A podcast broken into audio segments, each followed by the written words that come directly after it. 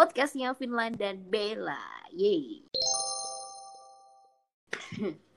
Hari ini kita bahas soal podcast sebagai media belajar. Apalagi sekarang uh, kegiatan belajar mengajar itu serba online gitu ya, alias PJJ, pembelajaran jarak jauh. Ya nggak Bel? Bener banget, semuanya serba online. Nah, kebetulan nih tugas proyek jurnalisme kita, salah satu mata kuliah kita di Magister Ilmu Komunikasi Atmajaya, Wih. sekarang tuh bentuknya podcast. Ya, yang lagi kita buat ini perdana. Kalau menurut kamu nih, podcast sebagai media pembelajaran kayak yang tadi udah uh, aku jelasin di pembukaan. Menurut kamu gimana, Bel? Podcast sebagai media pembelajaran? Media pembelajaran, mau itu sekolah atau kuliah ya? Iya, dua-duanya lah. Menurut aku itu baru banget dan apa ya, tantangan banget ya buat akademisi dan para dosen dan para guru juga. Kalau misalnya nggak jadikan podcast ini sebagai media belajar apalagi kan apa ya uh, yang pertama tuh tadi baru. Terus yang kedua cuman satu arah doang nggak sih? Cuman satu arah satu arah doang. Jadi kalau misalnya kita mau discuss itu tuh nggak bisa. Hmm. jadi kayak mungkin kalau misalnya discuss melalui uh, dilanjutkan di aplikasi yang lainnya kayak Zoom atau WhatsApp group ya nggak sih Jadi uh, podcast tuh kayak cuman memberikan materi aja, tapi nggak bisa untuk interaksinya gitu, in- mm, tidak Iya. bersifat interaktif gitulah ya. betul sekali Tapi sebenarnya seru tau uh, menurutku podcast itu, karena um, podcast itu sifatnya hampir mirip kayak radio ya nggak sih? Cuman bedanya kalau radio kan dia uh, ada jadwalnya tersendiri, siarannya kapan, waktunya juga dibatasi berapa menit, bla bla bla kayak gitu. Nah, eh, sifat-sifat dari radio itu yang eh, sama ke podcast tuh theater of mind gitu, membangkitkan imajinasi kita kayak gitu-gitu. Dan lagi eh, seru tuh podcast itu enak enaknya tuh dia juga bersifat personal nggak sih? Kan kayak kita tuh bisa ngedengerinnya kapan pun kita mau gitu dan di mana pun gitu. Dan serunya tuh kita bisa mendengarkan itu kayak dengerin musik nggak sih Bel? Sambil ngerjain apa gitu multitasking gitu. Iya sih enaknya kayak gitu. Cuma yang tadi apa ya semua aplikasi itu pasti ada kelebihan dan kekurangan juga sih ya enaknya Hmm. itu terus eh, kalau apa ya kalau misalnya terus yang kedua tuh mungkin kalau aku ya kuotanya nggak nyerap banyak. Iya bener banget sih.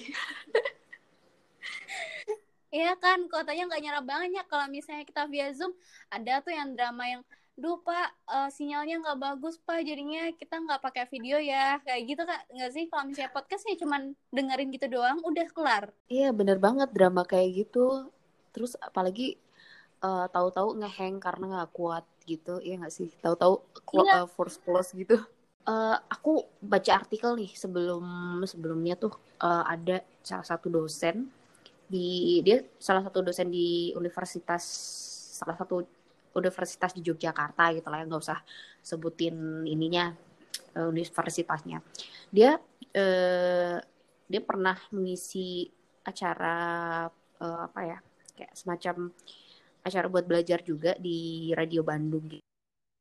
Terus habis itu dia balik ke Jogja, dia buat inovasi eh, eh, apa podcast sebagai media pembelajaran gitu. Karena yang aku baca itu menurut dia itu eh, audio itu lebih seru gitu, lebih asyik gitu untuk mahasiswanya karena ya itu tadi sifatnya itu eh, membangkitkan apa ya eh, imajinasi. Karena secara, secara psikologis tuh em, kalau pembawaannya santai itu lebih lebih gampang nyerap ilmunya gitu. Kalau aku ya, kalau aku Hmm. ya, itu kan tadi kan membangkitkan imaj- imajinasi, terus dari psikologisnya eh, antara hubungan antara dosen sama mahasiswa semakin dekat juga kan, karena maksudnya lebih dekat dengan anak-anak generasi milenial yang menggunakan sosial media, ya nggak sih? Nah, terus nih, aku juga boleh sharing nggak, Vin? Nih, rupanya ya, dosen kita juga pakai podcast Oh, untuk ya? sharing ilmu komunikasi. Kamu tahu Bu Yudi? Oh iya, Bu Yudi. Tahu tahu tahu. Iya, Oh, Bu Yudi tuh kalau misalnya podcast. jelasin Iya, Bu Yudi kalau misalnya jelasin teori komunikasi di kelas kan, maksudnya kamu suka lupa-lupa gitu nggak sih kalau misalnya teori-teori kayak gitu iyalah apalagi teori komunikasi banyak banget ya kan nah kalau misalnya kita lupa nih ini jadi kayak bahan evaluasi kita juga kayak misalnya kita lupa kita tinggal buka aja nih podcastnya Bu Yudi ini udah ada banyak nih ada teori pelanggaran harapan, teori negosiasi wajah, teori pertukaran sosial, gitu sih. Kayak kita bisa bisa ini dong, bisa buka itu sebagai bahan pengingat juga ya, maksudnya kita yang lupa gitu.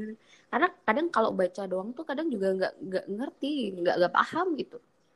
Dan aku bukan anak buku banget yang harus baca tebel-tebel kayak gitu.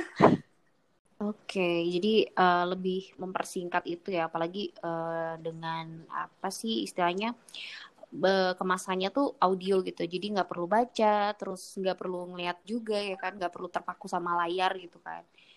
Seru sih, iya.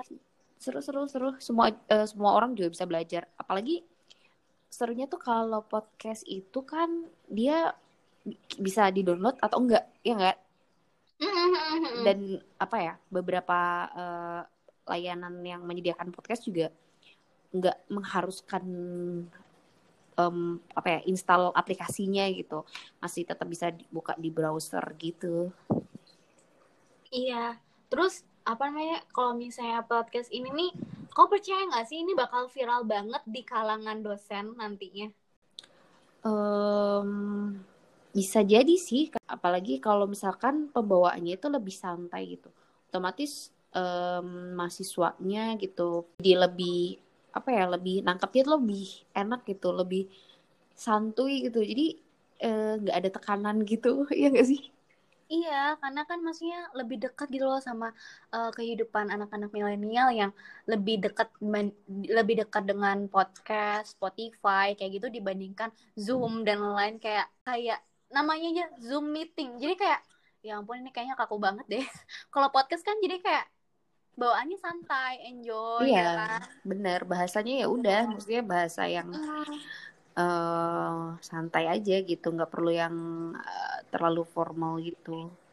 Ya iya. tergantung iya. topik juga sih. Terus yang kedua ya yang aku suka dari podcast ini, kalau misalnya dosen menggunakan podcast sebagai media kuliah daring ya, hmm. mereka tuh lebih mengeksplor uh, untuk sharing ilmu ke mahasiswanya. Karena nih ya banyak nih kalau aku lihat di Twitter Twitter tuh hashtag kuliah online tuh bilangnya uh, apa ya? Mereka tuh jadi kurang dapat materi dari dosen dan lebih dibanyakin tugas. Nah, mungkin podcast ini jadi jawaban buat semua kampus deh. Soalnya nih ya, aku bacain salah satu Twitter. Itu pay at apras. Ya kok dosennya nggak seperti dosen gue yang hampir di grup 5 menit paling terus ninggalin tugas deh. Jadi cuma gitu doang. Sedih banget. Apalagi tugasnya harus dikumpulin besok. Aduh, mumet nggak? Aduh.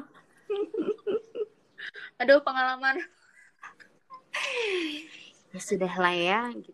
Uh, ya udahlah. Uh, terakhir apa nih Bel mau nyampain apa nih soal podcast sebagai media belajar? Uh, mungkin kita nyimpulin aja nggak sih kelemahan dan kelebihan podcast buat kuliah? Boleh.